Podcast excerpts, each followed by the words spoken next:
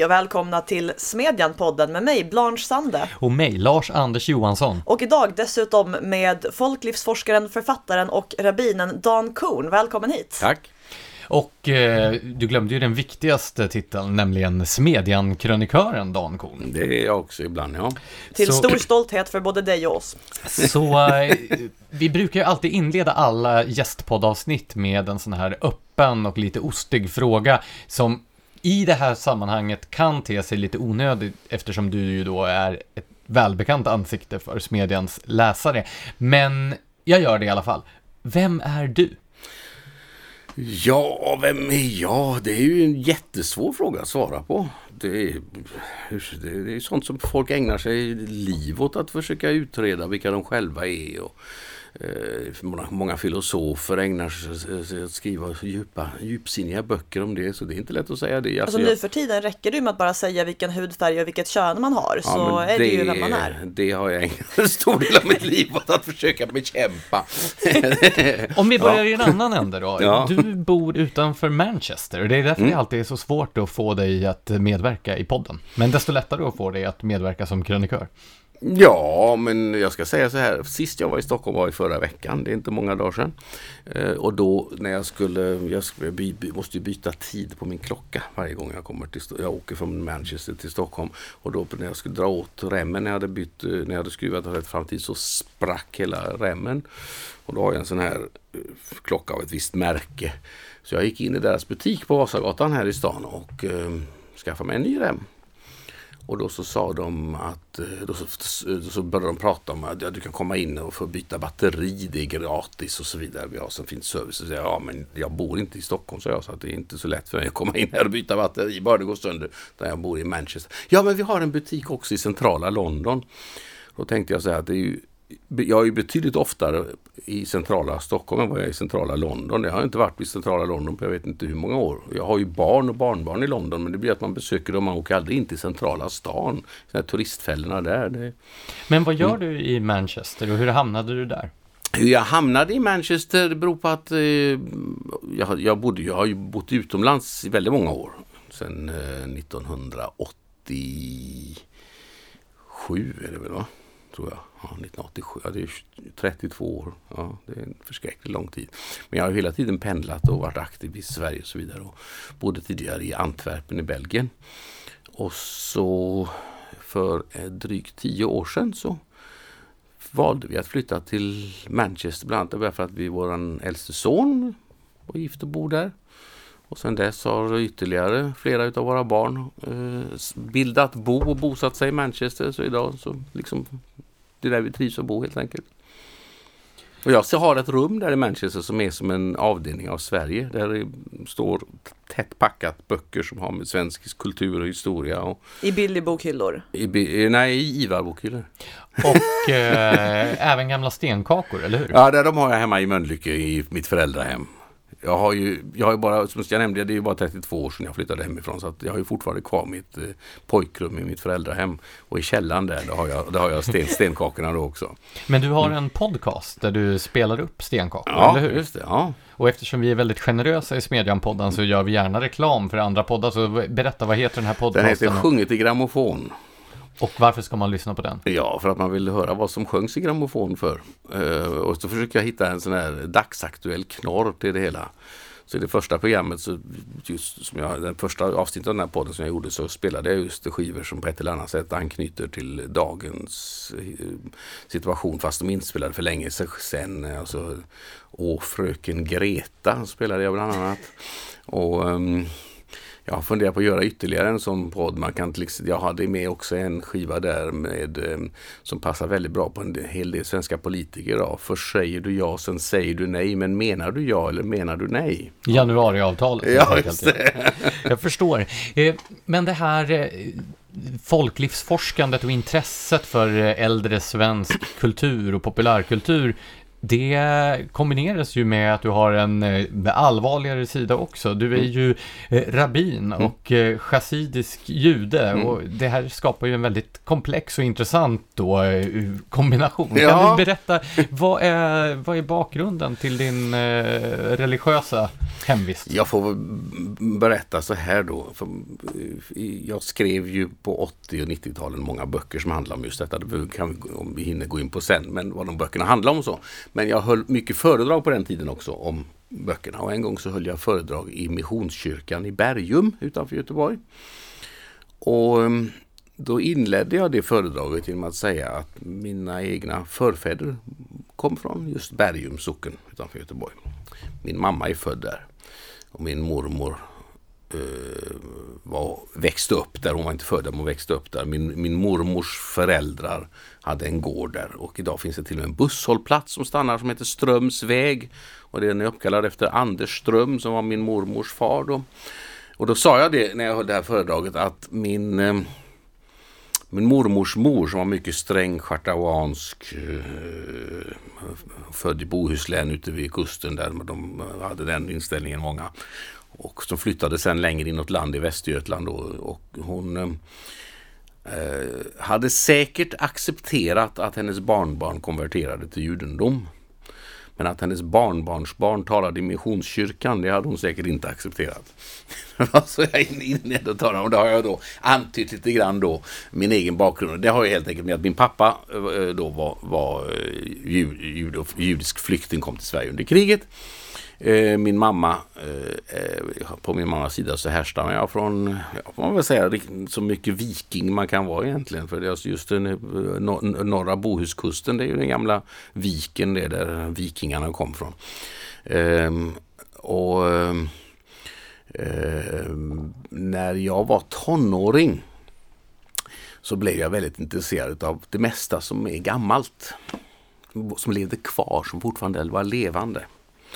Och då började jag besöka människor som levde fortfarande på gammalt vis runt omkring i trakterna där jag själv växte upp då utan, utanför Göteborg i Västergötland. Eh, jag kan säga att jag började med att utforska min egen hembygd och så gjorde jag hembygden successivt större efterhand som jag var tvungen att utöka området för att hitta mer människor att besöka. Samtidigt som jag höll på med detta så var jag också lika fascinerad av min, min pappas eh, bakgrund, då, den, den, den, judiska sidan av det hela.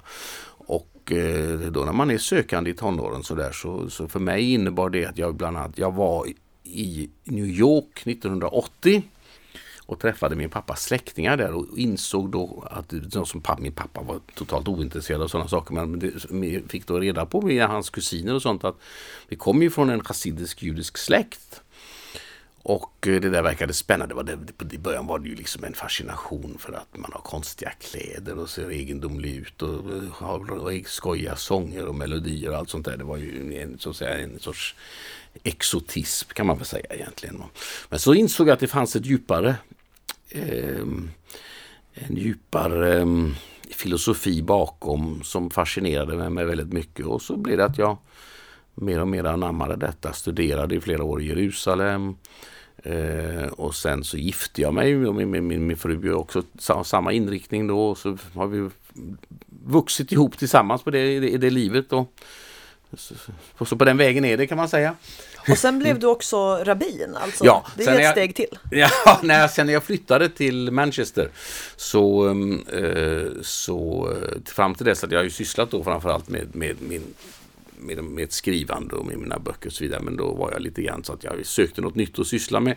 Och eh, det var väl lite grann av ekonomiska skäl också för att jag, jag ville då dra igång ett stort bokprojekt som jag höll på med i fem år nästan. Det var den här boken jag skrev om Keina-affären där jag vände på varenda papper i den här historien. Men då måste jag ha något att leva av under tiden. Och då hade jag ju liksom på, på, på, jag studerade ju ungdomen då i flera år på, på sån här, man brukar kalla det för rabbinskolan och sånt där då, fast alla som studerar inte blir rabbiner. Och, och, så hade jag fortsatt att studera på egen hand privat hela mitt liv har jag gjort varje dag. dag, dag. Då såg jag till så jag fick papper helt enkelt på att jag gick och förhörde mig hos rabbinen. så jag fick pappa helt, papper på helt enkelt att jag var rabbin. Och så arbetade jag sen under, vad är det, en sju, åtta år är det väl som jag arbetade regelbundet med Eh, i, i, som rabbin. Men det var innebar, jag, var in, jag var aldrig församlingsrabbin. Jag hade inte hand om en församling och stod och pred, Jag predikade gjorde jag ibland, men, eller det gör jag fortfarande ibland förresten. Men, men eh, det var inte mitt uppgift, utan framförallt så sysslade jag med, med kontroll av livsmedel, om de är kosher eller inte, om de följer de judiska dietlagarna, hur det ska förpackas och hur det ska märkas och hur det ska produceras och alla sådana här saker. Ja, det är ju mm. oftast ett komplicerat företag att gå ut och äta lunch med dig.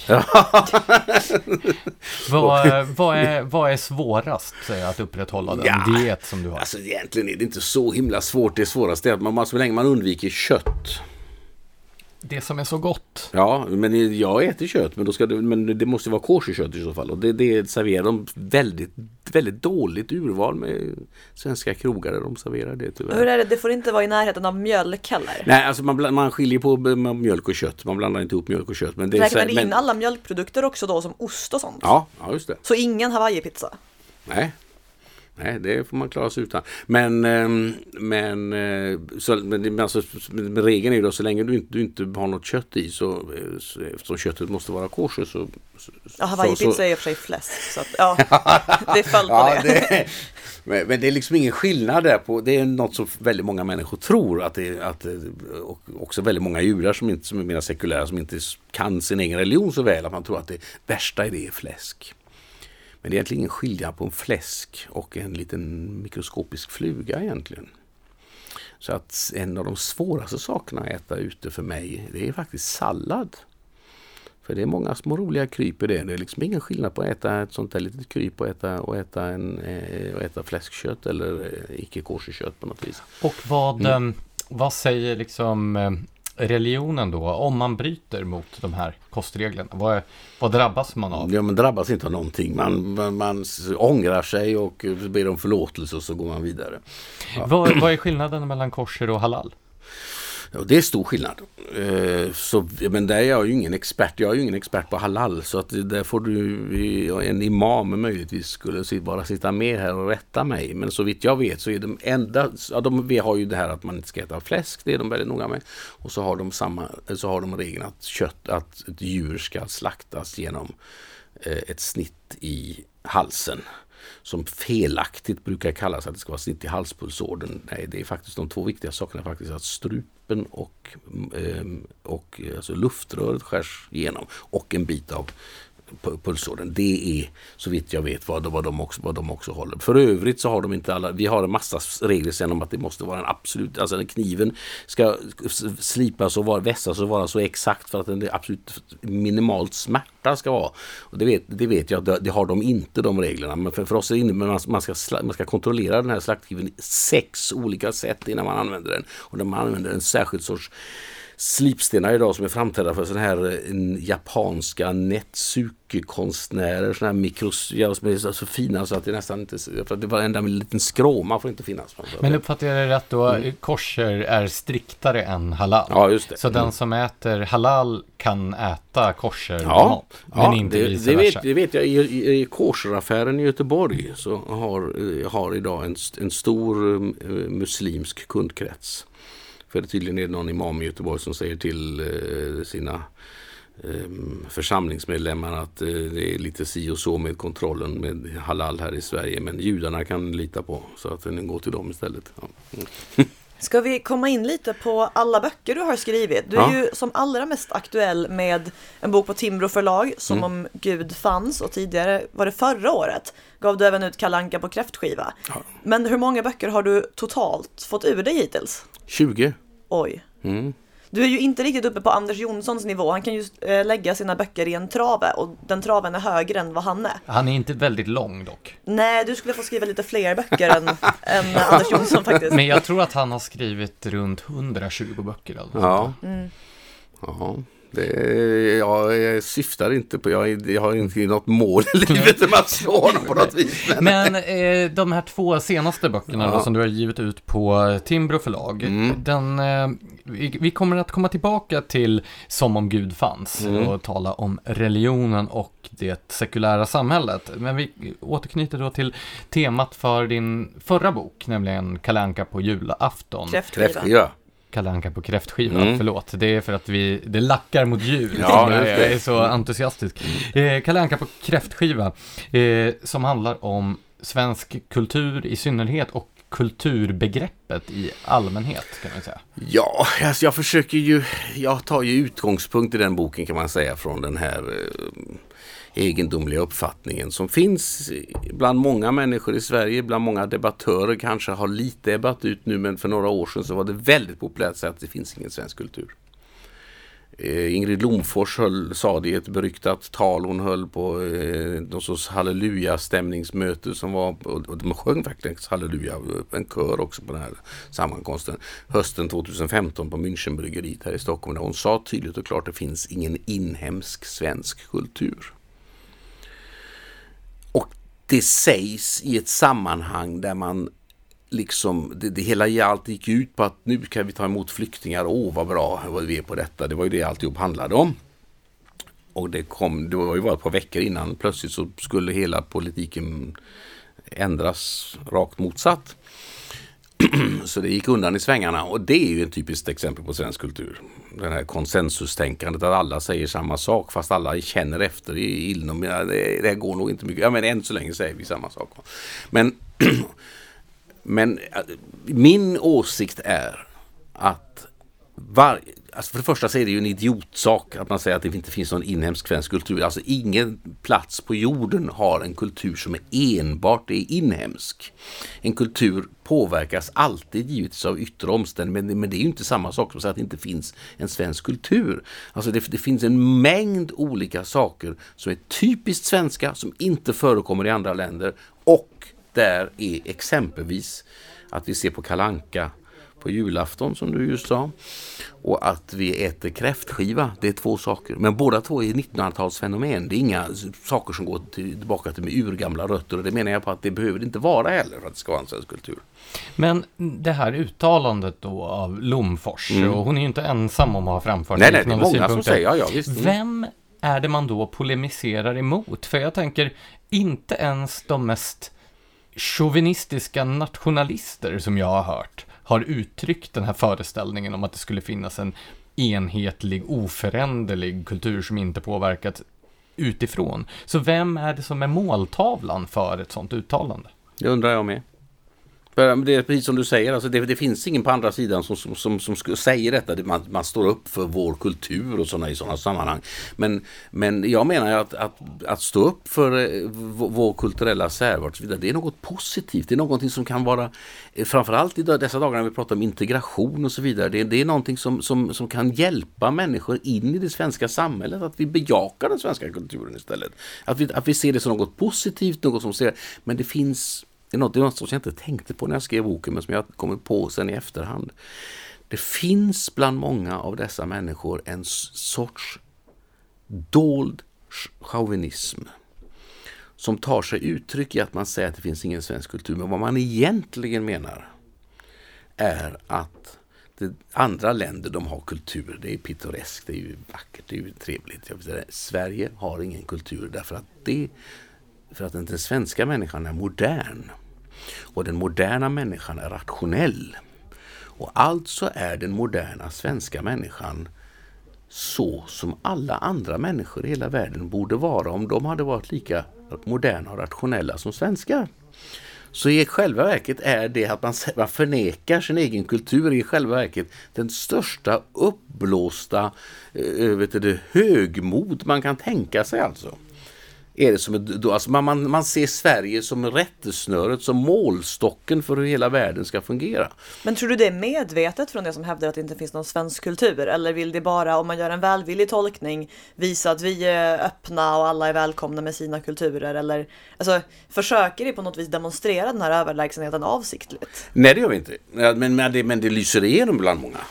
Eh, om man, eh, det, det är ju också givetvis omedvetet. Det är, det, självklart är det så att det är omedvetet. Men, men, men alltså det finns ju, en, det har ju påpekats av många, att det finns ju en uppenbart uttalat bland många som är så de här frågorna att man tror att människor blir som svenskar bara de kommer till Sverige och passerar gränser. Eller åtminstone så vill de, man tar för givet att alla vill bli som svenskar. Alltså frågan som Mustafa Panshir och Jens Garnman ställer i sin bok eh, Det lilla landet Det som lilla kunde. landet som kunde. Vad gör man med de som inte vill integreras? Den frågan är liksom en fråga som folk överhuvudtaget inte ställer sig. Det är alltså en viktig fråga. Det är inte någonting som man kan vifta bort. Det finns en massa människor som inte har det minsta intresse av att bli som svenskar. Sen kommer de att bli det i alla fall, det är en annan sak. För att kultur fungerar på det viset att vi påverkas vare sig vi vill eller inte. Men, men, men, men det finns en massa människor i Sverige som inte alls vill bli som svenskar. Och det är någonting som väldigt många människor som ägnar sig åt de här frågorna överhuvudtaget inte kan föreställa sig. Finns det en sån här debatt i Storbritannien? Skulle man som engelsman kunna ställa sig upp och säga att det finns ingen engelsk kultur eller det finns ingen brittisk kultur? Ja, nu, precis, nu sa du just det jag skulle säga där. Alltså, I England är det ju ännu värre. Därför att där är det ju så att eh, engelsmännen vill tona ner det, det engelska och betona det brittiska traditionellt för att liksom visa att vi, vi, häng, vi, vi hänger ihop Nordirland, Skottland, Wales och England. Och Alltså, det talar ju om sig själv som britter och Som inte som britter, engelsmän just idag. det. Det är väl en rätt ny förändring. Man talar om som, som, som, som, ja, som engelsmän har gjort det länge för att li- vara inkluderande då. va. Men skottar och walesare och nordirländare de fortsätter ju prata om, om sina särarter. va. Så det är ju liksom, alltså engelsmännens kultur därmed försvinner på något vis och utplånas på något vis, alltså i medvetandet. Och det är först på senare tid som det har fått ett genombrott. Det började egentligen med alltså en, en sorts ängel, alltså traditionell högernationalistisk man vill säga, eh, rörelse där man började använda den engelska flaggan, den vita med ett rött kors. Mycket, mycket mer i fotbollssammanhang och sådana här saker. Att man betonade det, man hängde upp de här flaggorna för att uppenbart för att liksom visa att eh, vi är engelsmän, vi är stolta. Och det var eh, uppenbart en, frä, en ty, tydligt främlingsfientlig inställning. Men det där funkade ett tag, men inte i all oändlighet. För den stunden kom då också invandrade engelsmän, till exempel pakistaner, eh, började använda den här flaggan i olika fotbollssammanhang, cricket, sådana här saker. Alltså just cricket spelar man ju just med de gamla engelska kolonierna. Det eh, ett, ja. så, så där använder man då den engelska flaggan som symbol. Så fort den, flagg, den symbolen börjar användas av också de, de grupperna så faller ju hela symboliken att använda den för, för att för exkluderande, då blir den inkluderande också. Alltså en tröttsam grej när man diskuterar kulturfrågor är det här att man alltid landar i mat, liksom, olika matkulturer. Mm. Men är inte det en ändå rätt typisk parallell? Att i Sverige så talar vi om att så här, kebabpizza är den mest svenska maten som finns. Mm. Aha, sådär. Mm. Är det inte lite samma grej i Storbritannien med så här chicken tikka masala? Typ. Alltså, det finns ju det absolut. som hävdar Mm. att det är så här, det mest engelska man kan käka. Mm, just det. Jo, jo, det, det, är, det är väldigt likt. Väldigt många avseenden så är det väldigt likt. Och ändå så vet vi alla att, eh, att eh, vet det alla de här olika pajerna och, och, och det är ju det typisk engelsk mat som fortfarande är väldigt vanlig. Så det är ju inte sant det där med att alla går och äter chicken masala. Det men, det, men alltså curry och allt det har ju fått en, ett, ett stort in- inslag. Men så fungerar kultur. Vi, vi, vi plockar lite här och där och utvecklar. Och efter ett tag så blir det, det, det är ungefär som på, på svenska Kina-krogar så finns, det en, så finns det en maträtt som heter fyra små rätter, tror jag det heter. Eller sånt där. Ja.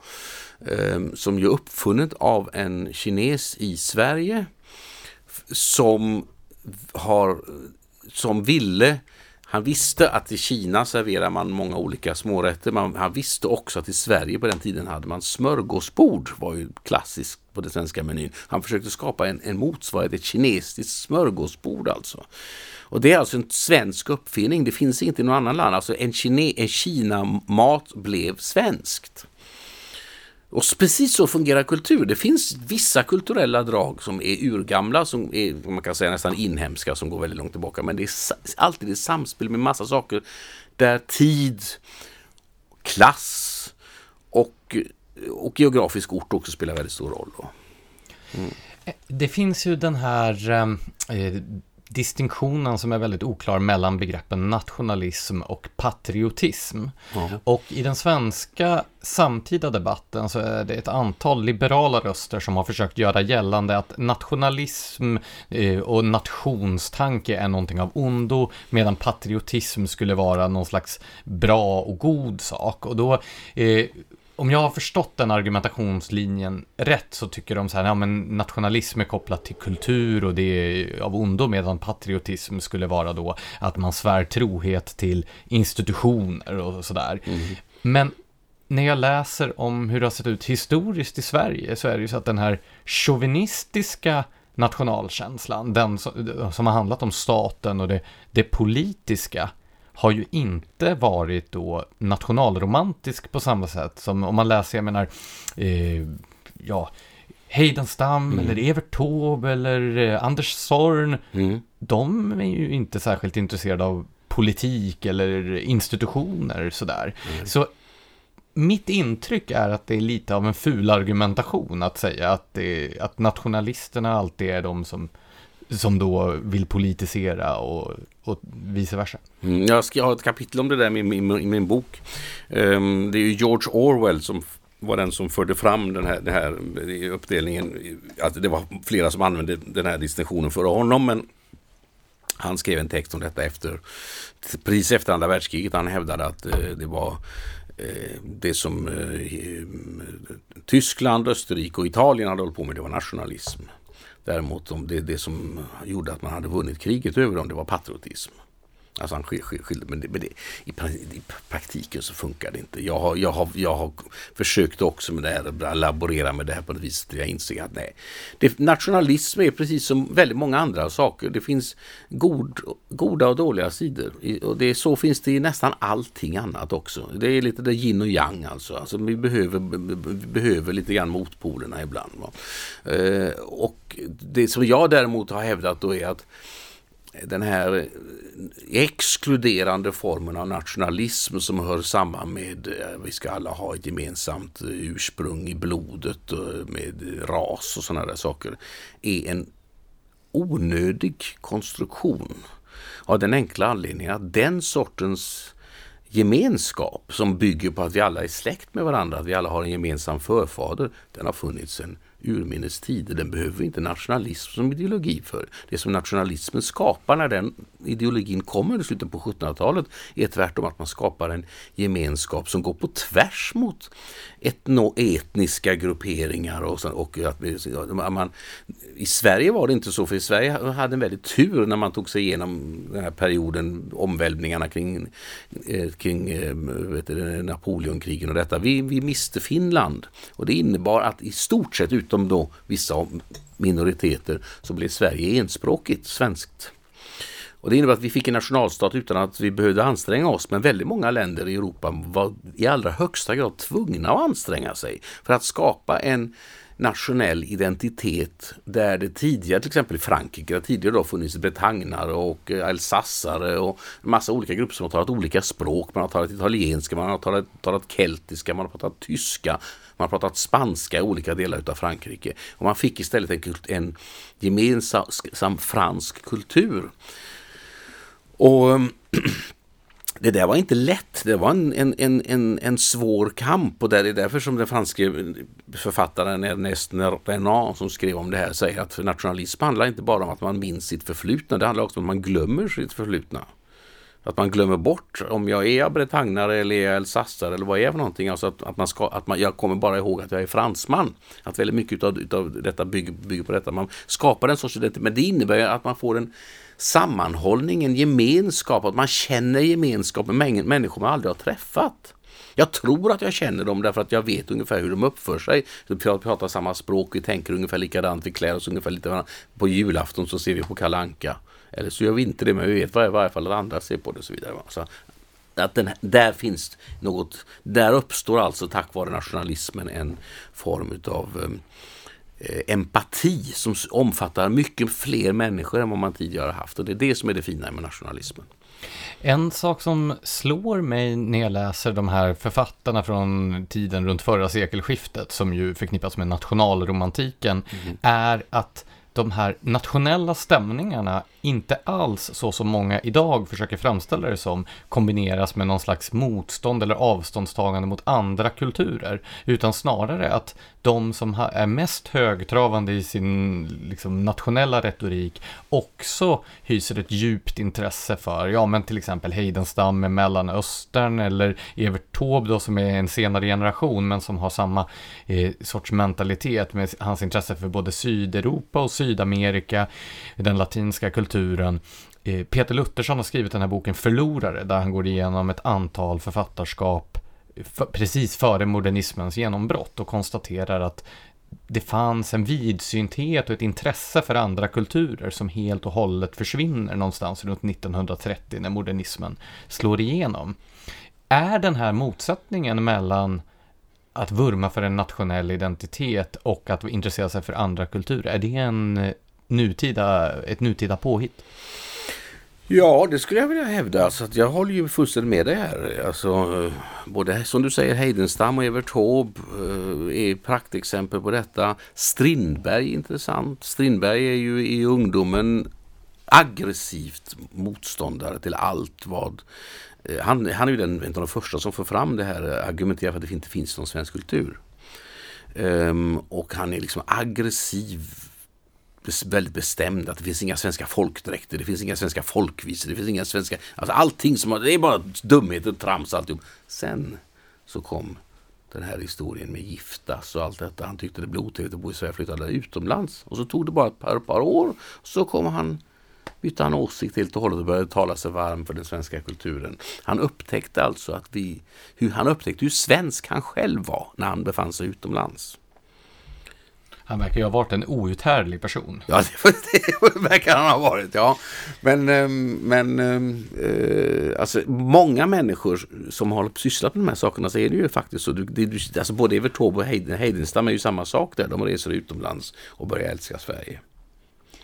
Mm. Jag kommer att tänka på när vi talade innan om eh, Lomfors och den här idén att det inte finns någon svensk kultur och så. Mm. Det finns ju egentligen en motsatt, jag tror inte det är den hon polemiserade mot, men det finns ju en motsatt uppfattning, nämligen de här personerna som talar om kulturell appropriering.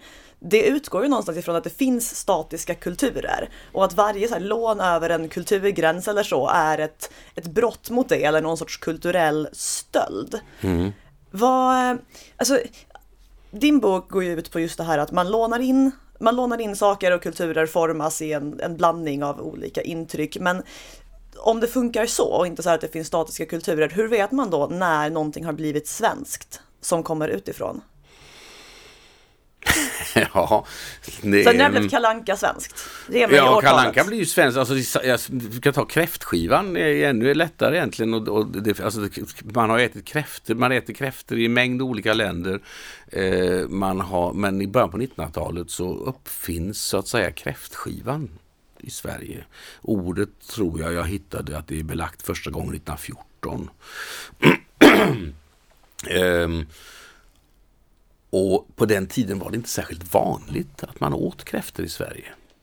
Det var väldigt många platser i Sverige där man var mycket tveksam till att äta mm, eh, annat än fisk ur, havet eller sjöarna. Eh, men på vissa håll så var det vanligt att man åt kräftor. Men att det här med att man, liksom, att man skulle ta en sup till varje kräfta, hela den här kulturen, den byggs upp i början på 1900-talet. Det är väldigt svårt att säga hur det här uppstår och så vidare. Men där sker det då, alltså det, det, det, jag, det, finns en text som någon idiotiskt, någon som har försökt att visa att eh, kräftskivan är liksom en, en pinsamhet för alla verkliga nationalister därför att från början så infördes bruket att äta kräftor av munkar på 1100-talet och sånt där fåneri. Ja. och, ehm, och samma sak då med att man tar en sups, brännvinet är ju heller inte svenskt från början och så håller han på att upprepa varenda, nej det är ingenting, ja, dillen är ju heller inte svenskt. Så, det är ju så dumt så att det inte är klokt. Att det är klart att själva kombinationen kräfta, dill och brännvin är ju svensk, hur är all, var det än kommer ifrån. Va? Jag blir Men, så hungrig nu. Ja, jag vet. Men alltså, jag har en, eh, en ingift faster som har flyttat till Danmark, för hon har ja. gift sig med en, eh, en dansk. Mm. Och hon jobbar ju stenhårt på att importera den svenska kräftskivan till Danmark. Och det där bryter ju också mot idén om kulturell appropriering. För man kan ju inte påstå att det är danskar som kommer till hennes kräftskivor stjäl den svenska kulturen. Hon bjuder in dem och matar dem med kräftor. Precis, det är ju det som folk inte fattar som pratar om kulturell appropriering. Du kan inte stjäla min kultur därför att jag har den kvar även om du börjar praktisera samma saker som jag gör. Men det är ju på något vis då att man, man tänker sig att det är vissa människor som liksom bara har den här kulturen som liksom utsatta minoriteter och så kommer då människor liksom från oben och plockar åt sig godbitarna och liksom gör något kikt utav det där. Och jag, jag kan i och för sig lite grann förstå eh, mot eh, den avvåga känslan mot detta i vissa fall. Eh, om samer till exempel upptäcker att alla människor börjar gå klädda i, i, i, i samiska kläder och så vidare. Att, att de liksom känner att ja, men det där är ju faktiskt min identitet och nu gör du den till din. Hur är, vad blir då kvar av min identitet? Men det är ju så att det, det här är modenyckel, det där försvinner lika fort som det kommer. Det är liksom ett, en storm i ett vattenglas. Va? Det här med att man inte då i liksom skämtsamma, lättsamma sammanhang får klä ut sig till etniska mm. minoriteter. Om, om jag går utklädd till indian på en maskerad eller same till exempel, mm. så kommer det att vara någon som tar illa vid sig. Mm. Vad, vad är, finns det skäl att ta illa vid sig? Nej, ja, ja, det beror ju på i vilket sammanhang, det beror ju på hur det ska. Det där bygger ju också på en liknande diskurs då från USA om det här med blackface, alltså, alltså vita amerikaner äh, äh, sminkade sig svarta och sjöng typiskt äh, svart musik då i början på 1900-talet. Al Jolson. Al Jolson är ett exempel. Al Jolson var ju i en allra högsta grad en man som gjorde detta med, han hade ju en allra högsta, det var ju definitivt inte någon rasist eller någon som var ute för att förlöjliga svarta, utan snarare tvärtom. Det var ju en form av hyllning till dem snarare. Va? Och sen ska vi då komma ihåg att väldigt mycket av den här cocoon shows och den här typen av, av liksom, i, i USA började faktiskt med svarta själva. Eh, den, den, den, den, det är någonting som jag håller reda på eftersom jag samlar på gamla grammofonskivor. Då. världens första grammofonskiva var en svart gatumusikant i New York som heter George Washington Johnson. Tungt namn. Ja, och han började, han stod alltså och uppträdde, sjöng och spelade och visslade eh, på eh, kajerna där på den tiden över Hudsonfloden fanns det, fanns det inga broar utan då var det färjetrafik över mellan Brooklyn och Manhattan istället.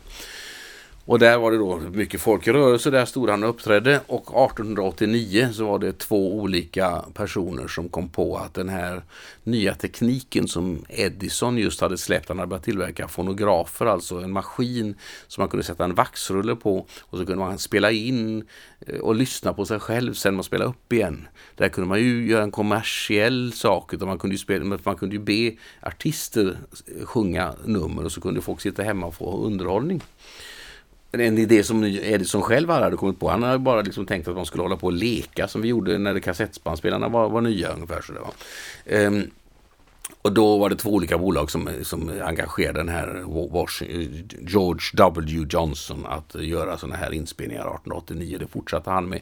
På den tiden hade man hade ju inget möjlighet att reproducera eh, fonografrullarna i början. Så han fick ju stå hela dagen och sjunga in samma nummer och så stod det en tio maskiner uppställda framför honom. Va? Det låter som en mardröm. ja, just det. Men, men och sen när man då kom på hur man skulle reproducera hur man skulle börja också pressa skivor. När man istället för Östra Linder började använda skivor så var han också en av de stora stjärnorna. Men då, då kunde ju folk köpa flera hundra exemplar sådana, då blev, miste han sin försörjning och blev istället... Ja, blev istället han var arbetade, Inget gott som inte för något ont. ja, just det. Han, hade, han arbetade sen som vaktmästare i, i, i, i något, något, något företag i New York. Vad det var. Men alltså, alltså han, när han sjunger de här visorna så ingår det ju texten. Till exempel när han sjöng en, en känd visa som... som han skrattar till den där texten. Och väldigt mycket. Va? Och men det går ju ut på att han skrattar åt de som ser ner på honom. Texten i sig är ju inte alls en, så att säga, en förlöjligande av den, av den svarte mannen, utan snarare en, ett, en sorts försvarsposition eh, han intar och samma sak i den The Whistling Cone, ett annat sånt här nummer som han, som han framför. Så att man, eh, det, det, alltså, det fanns komiker i USA, det fanns eh, på, på 30-40-talet när det här började ebba ut som definitivt eh, drev med svarta och förlöjligade dem och så vidare. Eh, och det är klart att det kan inte vara roligt för svarta att sitta och, sitta och, lyssna, och lyssna på sånt i radion. Eh, men eh, det är ju inte samma sak som att du klär ut dig till någon när du går på maskerad. Men alltså man, det finns en sorts, i vår tid, en sorts gravallvar Ja, och en är, vilja att misstolka. Ja, en vilja att misstolka och en sorts gravar. Man tar sig på alldeles för stort uh, allvar själv. Och, uh, en, och så, så det ingår ju också i det här paketet också tror jag, liksom, att man gör sig själv som till en, man fram, marknadsför sig själv som en god människa därför att man tar minoritetens utsatthet på allvar så att säga. Ja, det är inte bara det, det är också den här föreställningen att man ja men så här, om någonting är illa menat eller så spelar ingen roll, utan det är om någon blir kränkt så räcker det för att man ska kunna anse, alltså för att det skulle vara lika illa som om personen som gjorde någonting hade onda intentioner. Precis, precis. Ja. Men det är ju också sådär, alltså man får inte i maskeradsammanhang varken driva med eller liksom gestalta en grupp som då anses vara förtryckt och utsatt eller med förtryckarna. Det har ju varit sådana här skandaler när någon har varit utklädd till nazist mm. eller till slavägare. Mm. Så man får inte heller sparka då uppåt nej, eller mot nej, nej. förövarna. Nej, nej, du får inte göra någonting. Det är väldigt, väldigt, det är, alltså, det är verkligen glädjedödare. Som, ja. Mm. Några andra sådana här begrepp då innan vi går in på, på nästa ämne som är religionen. Kulturarv är ju en sån här fråga som diskuteras. Vad är ett kulturarv och vems är kulturarvet? Ja, det är, vad, vad kulturarv är, det är jättesvårt att, att, svara på. Det är ju vårt, givetvis vårt samlade arv av kultur. Det är ju inte svårare än så, men det brukar ju då i Sverige, när det används så används det ofta i samband med att vi med vår fornminneslagstiftning eh, och vår, vår, våra svenska fornminnen då, eh, vår, vår, våra museer, våra hembygdsgårdar och allt detta. Det är ett enormt arv givetvis. Det, det kan ju läggas också våra mm, andra samlingar som bibliotek och Sveriges Radios enorma skivsamling. Eller inspel inspelat ljud som nu just har avskedat hela sin kunniga personal. Det, det, det svenska eh, kulturarvet är ständigt hotat. Och det är Sen finns, men sen i, samtidigt så finns det en sorts övertro på att om bara staten skriver styrdokument så kommer det att räddas. Det finns en mycket värdefull del av det svenska kulturarvet som är, eh, att, som är alltså det svenska kulturlandskapet där man har eh, eh, hävdat marker med samma traditionella metoder i kanske ibland i årtusenden finns en del platser i, finns på, på, utanför, runt Falköping så finns det på en del platser betesmarker eller de lieslagna marker där det växer en sorts gräs som bara återfinns för övrigt på eh, den ryska taj, stepplandskapet borta mot Mongoli, Mongoliet. Um, och um, det tyder på att det här är liksom rester som har levat kvar på skal. Just därför att man slår markerna varje år med lie så har ju på de här platserna så har detta levat kvar sedan vi hade ett annat klimat i Sverige. Alltså, mm. Nu ger jag mig ut på lite tunn nu, så ja. man kan, tunn is, men kan inte kulturarvet också nu för tiden vara immateriellt? Alltså så att så här, traditioner och allmänna Visst, abstrakta absolut, fenomen, absolut, absolut. Men båda de här sakerna, både det jag just sa nu och det som du säger nu, är någonting som du inte kan rädda med hur många styrdokument och värdegrundsgrejer du än skriver. Det enda sättet att bevara detta är att du fortsätter berätta de här berättelserna som du pratar om och att man fortsätter att slå de här Eh, markerna med lie som jag pratar om. Och det, du kan till syvende och sist så handlar det om vad människor gör och det är väldigt hög grad på frivillig basis. Jag var på 80-talet väldigt engagerad för att försöka dokumentera sådana här slagna marker och lier. Och det gjordes, länsstyrelserna la ut massor med pengar på att dokumentera sådana här marker och så vidare. Nu när jag återvänt till de här trakterna 30 år senare så växer det ju stor skog där. Det är helt otroligt hur det kan växa på 30 år det räddade inga marker att Länsstyrelsen eh, la in pengar på att man skulle eh, dokumentera och skriva ut, ge ut vackra böcker om det. Däremot hade man eh, betalat ett par gubbar för att gå där varje år och slå med lie istället. Då hade man räddat dem. På tal om mm. att kultur, det svenska kulturarvet är hotat, då kommer jag mm. att tänka på vissa traditioner, till exempel Lucia-firanden och sådana mm. saker, skolavslutningar, den sortens grejer som mm. när det ändras på vissa sätt uppfattas som att kulturarvet hotas. Är det ett hot mot kulturarvet om man förändrar, till exempel om man inte har sin skolavslutning i kyrkan eller om man inte har pepparkaksgubbar i Lucia-tåget?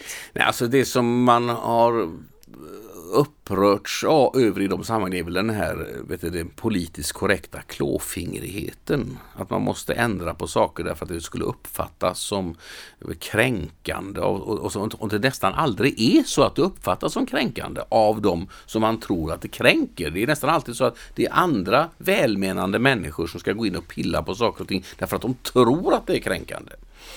Um, men samtidigt så är det så att det finns en massa gamla traditioner och sådana saker som så att säga har spelat ut sin roll. Som vi kan, det går inte, det, det är, inget, det, alltså det är någonting som när jag var ung och började med så här så tyckte jag det var väldigt synd att gamla traditioner övergavs. Och så, men, det, men det är tidens gång, det går, det, finns, det går inte att bevara med konstgjord andning. Det går att dokumentera, man kan vara där, ta bilder, filma och så vidare. Men den dagen inga mer människor vill syssla med detta så är det slut. Då det är bara att acceptera, det kommer nytt istället. Nu har vi ju haft ett helt samtal här om nation, nationalism och patriotism och sådär, kulturarv, utan att prata om Sverigedemokraterna och det är ju jätteskönt. Så mm. därför så tänkte jag att vi måste ändå så här, närma oss elefanten i rummet här. Eh, vilken betydelse har det här partiets framgångar i opinionen haft för diskussionen om nation och nationalism i Sverige under senare år? Sverigedemokraterna är precis så stora som de andra partierna gör dem. Hur menar du då? Jag menar att om du förnekar att det finns svensk kultur så är ju folk inte dumma i huvudet. De begriper ju att det är ju lögn vad hon säger. Och då är det klart att man söker sig till ett parti som säger att det finns visst en svensk kultur. Svårare än så är det inte. Eh, om du eh, säger att det blir jätte jättebra med invandring. Det, vi tjänar miljarder på att det kommer hit flyktingar från hela världen och så vidare. Och så märker människor att jaha, det var ju väldigt konstigt att budgeten inte håller för massa andra saker nu på grund av att det, pengar går till sådana saker. Och så finns det ett parti som talar om det här, ja då röstar folk på det partiet. Det är inte så konstigt än så är det inte. Det är så hur enkelt som helst. Och, då, och det, man kan sedan försöka ropa usch och ropa fy och prata om allt möjligt och så vidare. Det funkar inte du kan inte demonisera, du kan inte göra så här. Däremot, jag har ju i flera sammanhang själv kritiserat Sverigedemokraterna därför att jag anser att de har haft fel. Det är klart att precis som alla andra partier så kan du ha en diskussion, argumentera, e, e, ett samtal om vad som är rätt, vad som är fel, vad jag tycker, vad du tycker.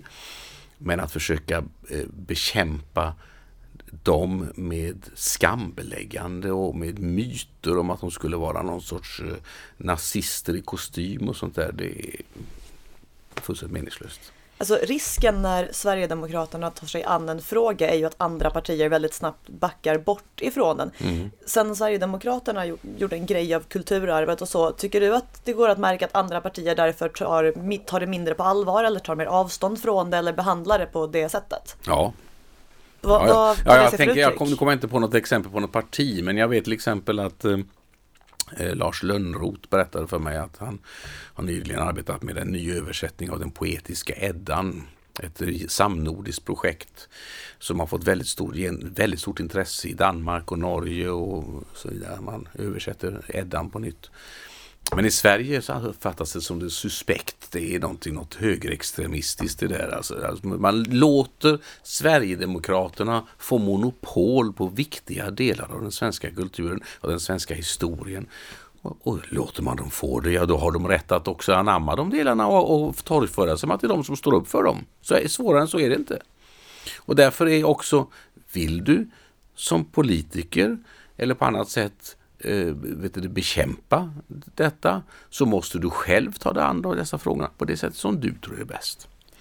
Det börjar bli dags att komma in på ämnet för din allra senaste bok, eh, Som om Gud fanns. Eh, alltså det sekulära samhället helt enkelt. Mm. Så för att börja gräva där där vi står. Vad är det sekulära samhället? Ja, det, det, för det första så är det ju något som vi väldigt ofta blandar samman i Sverige, så är det ju samhälle och stat. Eh, vi, eh, och det finns skäl till att vi blandar samman det i Sverige, för det är inte så klart definierat som i många andra länder. Eh, den, den, man, vi uppfattar Sverige som ett, ett väldigt sekulärt samhälle. Det är väl det landet i världen, tror jag, där flest där minst andel av befolkningen tror på Gud, säger sig tro på Gud. Um, och... Jag trodde det var Tjeckien. Ja, det är möjligt. Det, det, alltså, det, jag, ska, jag, jag, det vet jag inte. Men vi ligger väldigt, väldigt lågt i varje fall jämför, jämför, historiskt sett i Sverige och, och även jämfört med många andra länder. Eh, men däremot är den svenska staten är inte sekulär. I den svenska grundlagen så står det uttryckligen att kungen måste uppfostra sina barn i enlighet med den augsburgska bekännelsen av 1530 i dess oförändrade version så som den fastställdes av Uppsala möte 1593. Det är inte särskilt sekulärt. Är det ett problem? Nej, det är inget problem. Jag råkar veta att eh, när eh, kyrkan skildes från staten år 2000 så eh, fick kungen frågan om han skulle ta bort den där skrivningen i grundlagen och han tyckte nej, den kan gott få stå kvar. Så att, ja. Jag funderar på, det finns ju från då religiösa människor, då framför allt sådana som tillhör den religion som har varit statsreligion i Sverige mm. ända fram till kyrkan skildes från staten, eller fortfarande är det då enligt den här definitionen. Mm. Eh, nämligen då, den ena uppfattningen är att det är bra för kristendomen och kyrkan att vara skild från staten eftersom det hindrar staten och politiken från att lägga sig Nu gör den ju det i alla fall, ja. men att det skulle vara önskvärt. Sen finns det de som har uppfattningen att eh, då kyrkan behöver staten för att kunna föra ut då sitt budskap. Att det var en att det var ett gynnande samarbete på det sättet. Och sen då en annan uppfattning är den att staten skulle behöva kyrkan, att utan då kyrkan som någon slags moraliskt rättesnöre så urartar statsmakten i någon form av nihilism och, och gudlöshet. Ja, det var ju många saker du sa på en gång där som inte som behövs en hel utredning om, om varje sak. Ehm, jag kan säga så här att den svenska staten och den svenska kyrkan var förenade under väldigt, väldigt lång tid. Och det går inte att förneka det.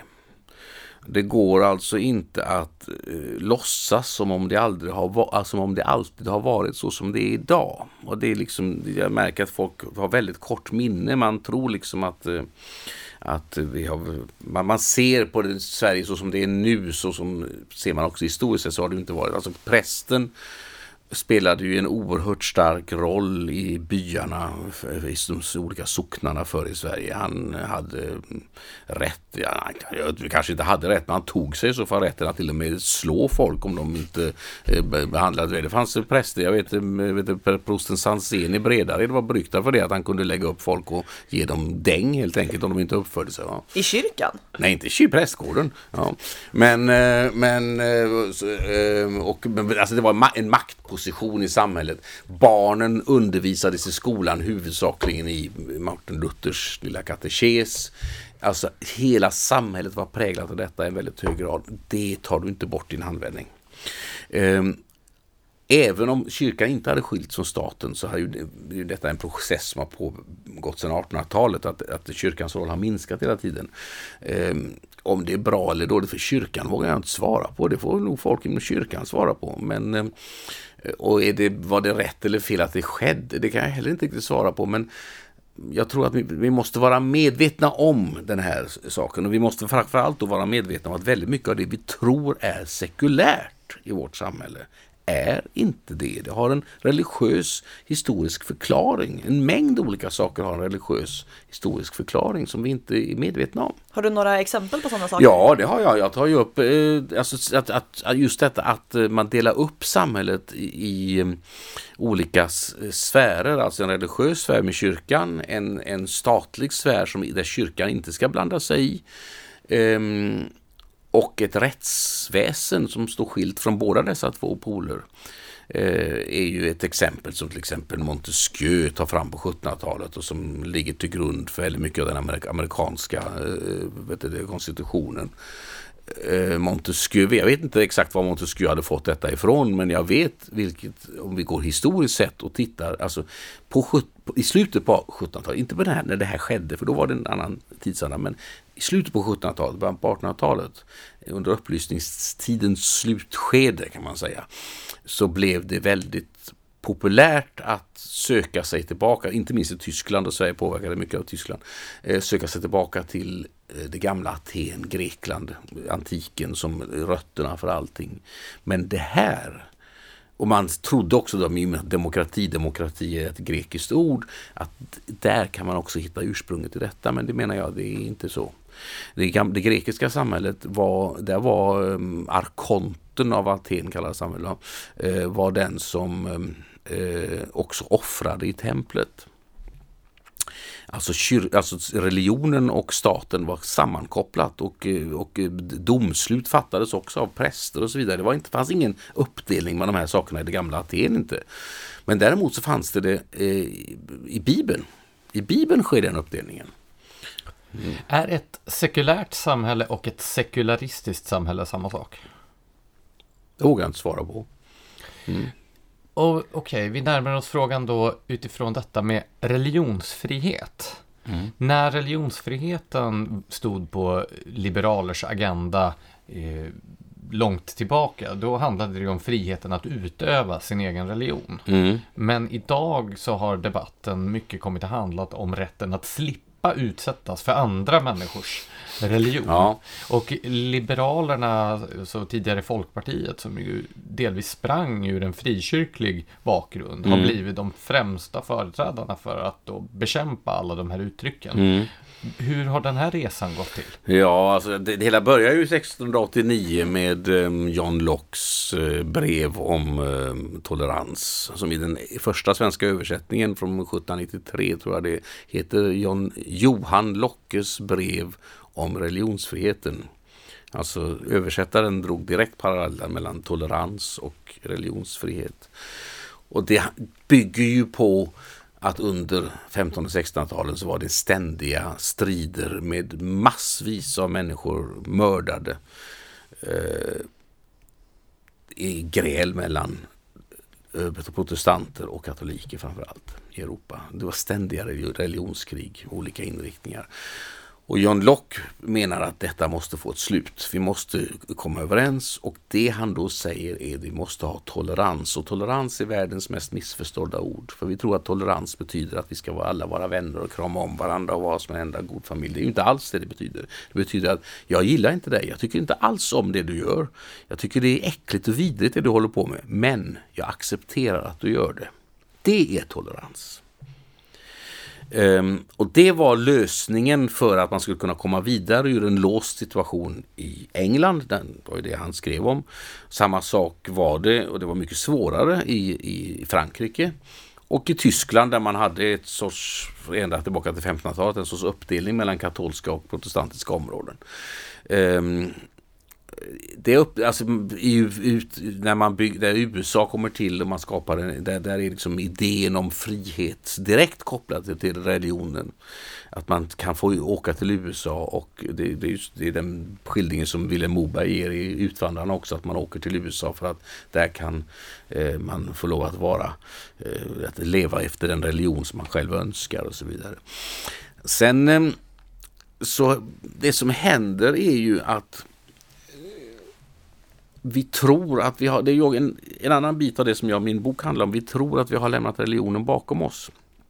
Men just därför att vi tror det, så i vårt sekulära samhälle eh, så har vi väldigt många saker som tydligt är samma sak som, religiö- som får sig uttryck inom religionen, vissa uttryck, får i vår tid sina uttryck i sekulära saker eh, ett tanke om synd och straff en tanke om botgöring, en tanke om... eh, om Jordens nära förestående Ja, just det. Ja, just det. Alltså den, eh, vet du, det, ap ap apokalypsen är ju väldigt tydligt, tydligt präglad vår, vår, vår samtid. Alltså väldigt många, alltså när det finns en sorts magi i det hela och så vidare. Och det innebär ju att och det påfallande ofta de mest sekulära som ägnar sig åt de här sakerna. Därför att ju längre bort du kommer från religionen så att säga, ju mindre medveten blir du om att detta är saker, de här gamla, det är gamla bekanta som, som, som känns igen här. Va?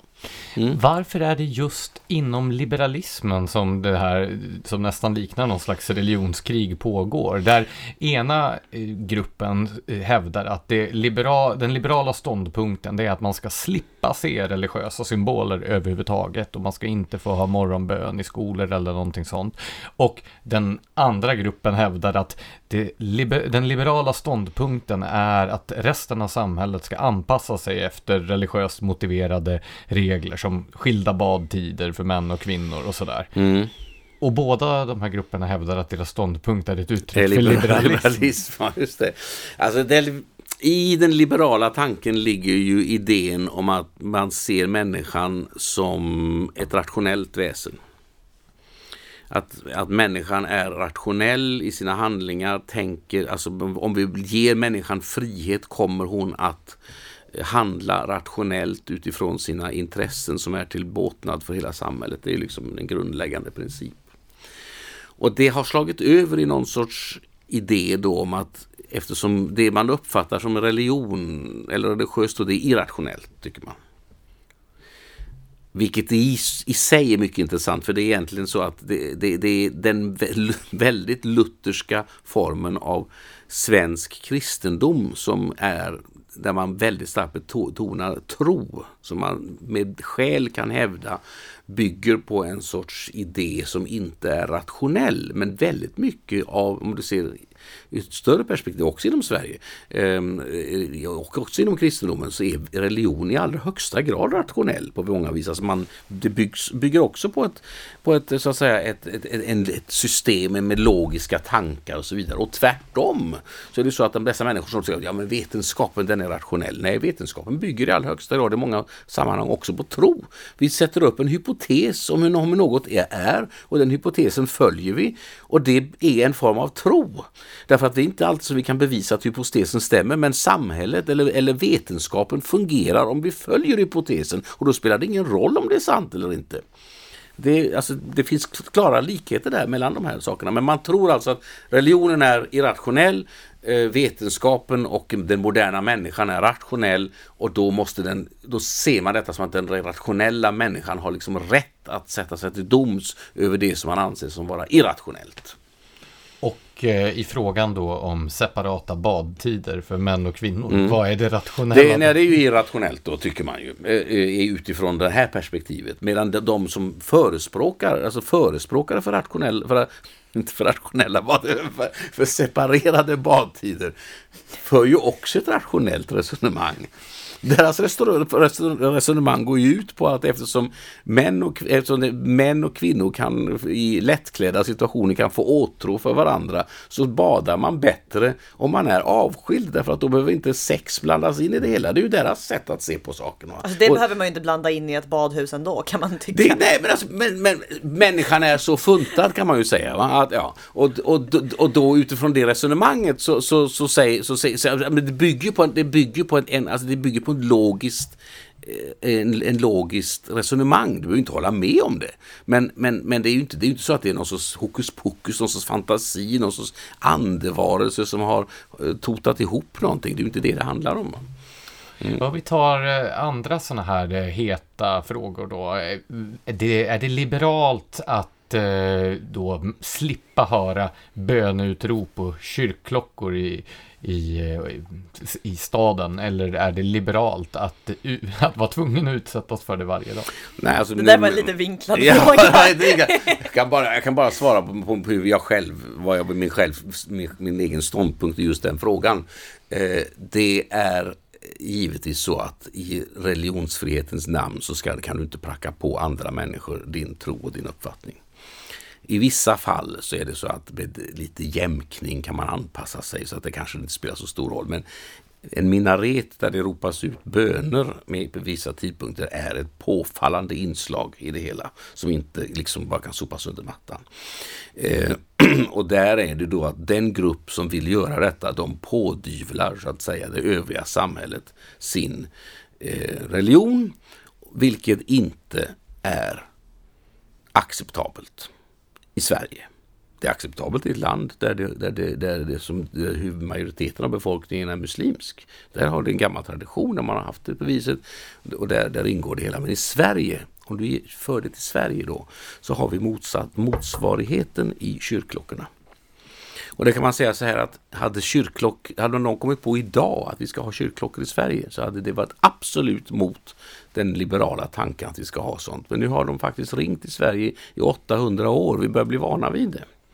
Och därför så tycker jag helt enkelt att där kan man inte tillämpa samma resonemang på båda de här sakerna. För det beror faktiskt på att det finns en majoritet som har en viss kultur och en minoritet som inte måste anpassa sig till döds. För vi ska ha frihet för minoriteter och rättigheter för minoriteter. Men å andra sidan så får de heller inte pådyvla sin inriktning på andra människor. Huvudduken då? Är det då statens uppgift att befria människor från detta förtrycksinstrument eller är det staten som är förtryckande när den då eh, går in och reglerar vad människor har på huvudet? Det beror på sammanhanget. Ehm, givetvis, ja, alltså, för mig är det en självklarhet att eh, det är de som vill ha huvudduk ska ha det. De som inte vill ha huvudduk ska inte ha det. Hur, under, hur vet vi om någon vill ha det eller, in, eller blir tvingad till det? Det vet vi inte. Och det, där måste vi acceptera fakta. Vi kan inte hålla på och fantisera om vad andra människor vill och inte vill. Vi kan göra så att om ett litet barn kommer till skolan med huvudduk så kan det finnas skäl att skicka in en orosanmälan till socialen för det. Men det är inte skäl att förbjuda henne att ha, ha den på i skolan. Alltså just den där frågan med vad man får ha i skolan och inte, mm. det brukar ju eh, ge utslag på det här. Det finns ju vissa här, sekulära, liberala, vad man ska kalla dem, som nästan har någon sorts allergi mot religiösa uttryck mm. och som brukar lösa den här känsliga frågan om huvudduk i skolan genom att hävda att eh, vi borde ta bort alla former av uttryck för alla typer av religioner, så mm. ett kors runt halsen. Mm. Vad, det, vad det än må vara så ska vi helt enkelt lösa ekvationen genom att ta bort det ur skolmiljön. Men alltså kräver ett sekulärt samhälle verkligen att man gör sig av med alla typer av religiösa uttryck på det sättet? Nej. Det gör, det inte, nej, det gör det inte alls. Nej. Det, sen kan man då, alltså där är ju lite grann då huvudduken ett specialfall för att um, det, det, Kvinnor är traditionellt sett i hela världen en grupp som har varit underställd mannen. Det är en, en sak man måste ta med i beräkningen att en man bär en kippa eller en, en man bär ett kors runt halsen är där, därför inte samma sak som att en kvinna bär en huvudduk. Alltså, orsakerna är inte detsamma. Men du kan inte hålla på och peta i hur människor ska se ut efter det eller det sättet, efter dina önskemål. Det, det, det, det, slutar, vi måste vara, alltså för att samhället ska fungera, för att det verkligen, verkligen ska vara liberalism så måste vi ha ett frihet i ett samhälle. Det måste vara frihet att vi, att, vi, att vi får lov att vara olika även när det stör andra människor. Men inte på ett sätt så att vi tvingar på andra människor eh, det som vi tycker. Och där då är det självklarhet när det kommer till eh, min böneutropen. Men vad som är rätt och vad som är fel i fallet huvudduken är mycket svårare för där har det då med föräldrarnas påverkan på sina barn. Och alla föräldrar vill påverka sina barn. Så varför ska föräldrar inte få lov att påverka sina barn i muslimska familjer? Det, må, det är en fråga du måste svara på. Om du ska kunna säga det. Men bara för att avsluta där då. Eh, ehm, men, men är det så att den unga flickan själv inte vill ha huvudduk och att hon blir tvingad till av sina föräldrar, ja då finns det givetvis anledning för samhället att ingripa. Men det är alltså, man måste ha verkligen finger toppsgefühl här och det finns liksom ingen standardlösning på de här sakerna. Man kan definitivt inte säga att det är fel, det är rätt och så vidare. Därför att jag tycker så. Det är ju inte allt annat än liberalt att tänka så. Men om vi då talar om vuxna människor, mm. har man eh, då som bärare av huvudduk rätt att kräva att få göra det även i till exempel uniformsyrken? För där har ju varit en diskussion om att busschaufförer och poliser och så vidare ska eh, ha rätt att bära huvudduk och får de inte det så är de, har deras religionsfrihet kränkt. Alltså all, hela, i hela samhället jämt och ständigt så diskriminerar vi människor. Det gör vi hela tiden. Um, en enormt tjock människa får inte jobb som eh, sån här eh, fitnesstränare, här, mm, personlig eh, tränare för någon. Därför att det är ingen som kommer att tro på henne eller honom. Eh, att, att, man, att man blir fit när, när, den, när den som ska göra det är, är stor och tjock. Va? Så, så enkelt är det. Alltså det. Det finns en döv person blir inte, får inte jobb att avlyssna samtal. Ja, det var ju faktiskt en döv person som blev väldigt diskriminerad när han inte fick jobba som eh, receptionist med telefonansvar och mm. stämde det företaget. Ja, Okej, okay, men det är ju alltså det, det är ju synd om den personen, men vi, så, så fungerar världen. Vi, ibland måste man liksom förlika sig med att det finns inget absolut rättvist system. Eh, och på samma sätt är det då, om det så att du skulle liksom säga att du har, att, tänk att du har satt tio ringar i, i ena örat och så har du tatuerat en stor ros mitt i pannan. Och så får du inte jobb som vet du, vet du, portier på Grand Hotel här i Stockholm därför att du ser ut på det viset. Det är också diskriminering. Och på samma sätt kan du, alltså är det så att det i ditt yrke att det är liksom ingår i din yrke så att du ska ha ett prydligt utseende, att alla människor i yrket också ska se ungefär likadana ut därför att det ska vara lätt igenkännliga till exempel på ett större företag och vidare. Om man då väljer bort den som har huvudduk eller kippa eller något annat så då, är, då får det vara så på det viset. Det, det, liksom, det, det är, det är diskriminering. Det är, här, vi måste komma ihåg att det är faktiskt diskriminering. Men det är en diskriminering som vi måste acceptera.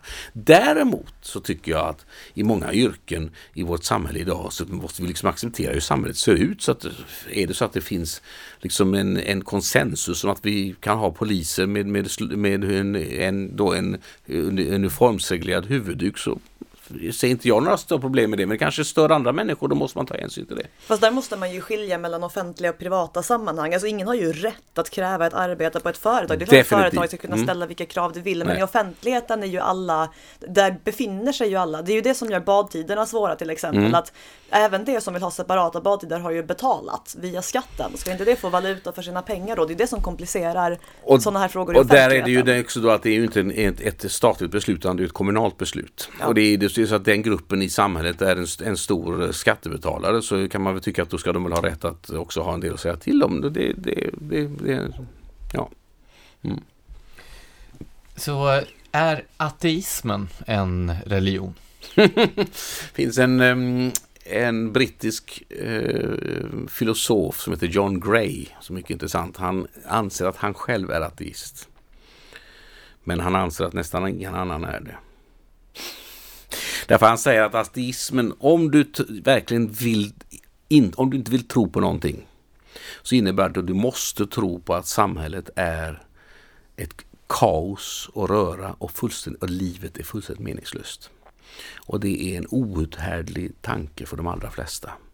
Och därför så blir, hur mycket du än kallar en rörelse ateistisk, så uppstår efter ett tag, just därför att vi människor fungerar så, en vilja till ordning, eh, att vi sätter upp en viss sorts mål, en sorts ideologi, en inriktning som gör att det väldigt snart får eh, tendenser som tydligt påminner om religion. Men har man inte tänkt lite för mycket om man menar att ändå tror man på en religion eller så tror man att allting är kaos och meningslöst? Kan man inte bara ja, men göra det enkelt för sig och bestämma sig för att livet har en betydelse man lägger i det och sen gå vidare? Jo, men då, jo, det kan man Han menar också det, han säger det. Men han menar att då ska du vara ärlig mot dig själv och inte kalla det för ateism. Det är liksom det som är hans poäng. Eh, han säger att, och framförallt så säger han så här, försök inte att göra det hela så komplicerat genom att säga att eh, du måste eh, liksom i enlighet med någon sorts eh, ideologisk logik och någon sorts rationalitet komma fram till att det Nej, är det så att du, du trivs med att gå in i kyrkan eller synagogan eller moskén eller templet, vad nu gör det. Bry dig inte om, det spelar ingen roll, det är inte så viktigt. Det viktigaste är inte vad du tror på. Det viktigaste är vad du gör som människa. Det är det liksom, det är hans poäng, gå ut på. Nästan alla debatter och diskussioner om religion i Sverige nu tar på något sätt avstamp i frågor som rör islam. Mm. Har kristendomen någon framtid i Sverige?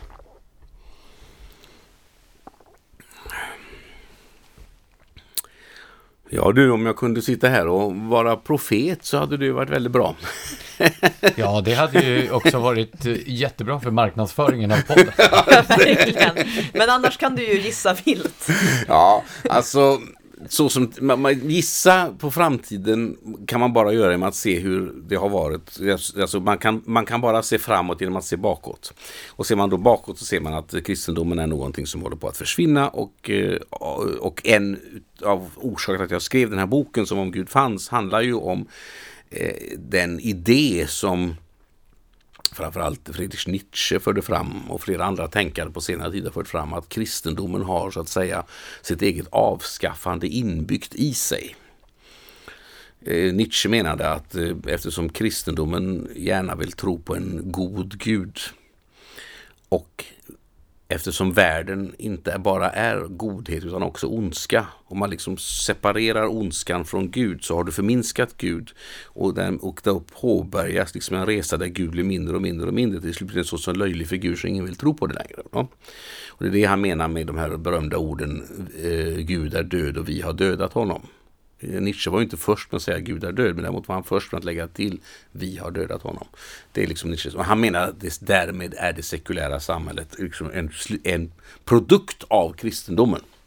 Och det är liksom det jag vill visa i min bok. Fast Nietzsche var, hatade det han hade kommit fram till. Han menar att det, det, det, det kommer ta hända med förskräckelse. Och det kan man i och för sig se med facit i hand då på 1900-talet. Han skrev i slutet på 1800-talet och menade att 1900-talet just därför att kristendomen håller på att ersättas av ett sekulärt samhälle så kommer det att inträffa fruktansvärda humanitära katastrofer. Han fick ju rätt faktiskt. Eh, nu har vi lämnat den perioden bakom oss och hur det blir i framtiden behöver vi ha en ny Nietzsche för att komma fram till. Och förmodligen så är han lika obegriplig som Nietzsche var så att vi kommer inte komma på hur klok han var förrän hundra år efter att han skrev det i alla fall. Med den dystra förutsägelsen så börjar det bli dags att runda av det här poddavsnittet. Och mm. vi brukar alltid be våra gäster om att eh, tipsa lyssnarna om en bok. Har du något boktips förutom då dina egna två böcker som vi redan har Dina egna 20 om? böcker. ja. Och Anders Jonssons 120 böcker. ja, just nu håller jag på och läser en bok som visade sig vara väldigt fascinerande på många sätt som jag inte hade räknat med. Jag läste den eh, delvis inför att jag skrev den här boken som om Gud fanns, men nu håller jag på och läser om den i vissa andra bitar. Den heter Supernatural av en amerikansk eh, psykologiprofessor som heter Clay Routledge. Och eh, den visar sig vara väldigt, väldigt spännande, så den rekommenderar jag varmt. Tack så mycket för mm. det boktipset och tack så mycket för att du kom hit, Dan Korn. Tack ska du ha. Och tack till alla er som har lyssnat. Ha en trevlig helg.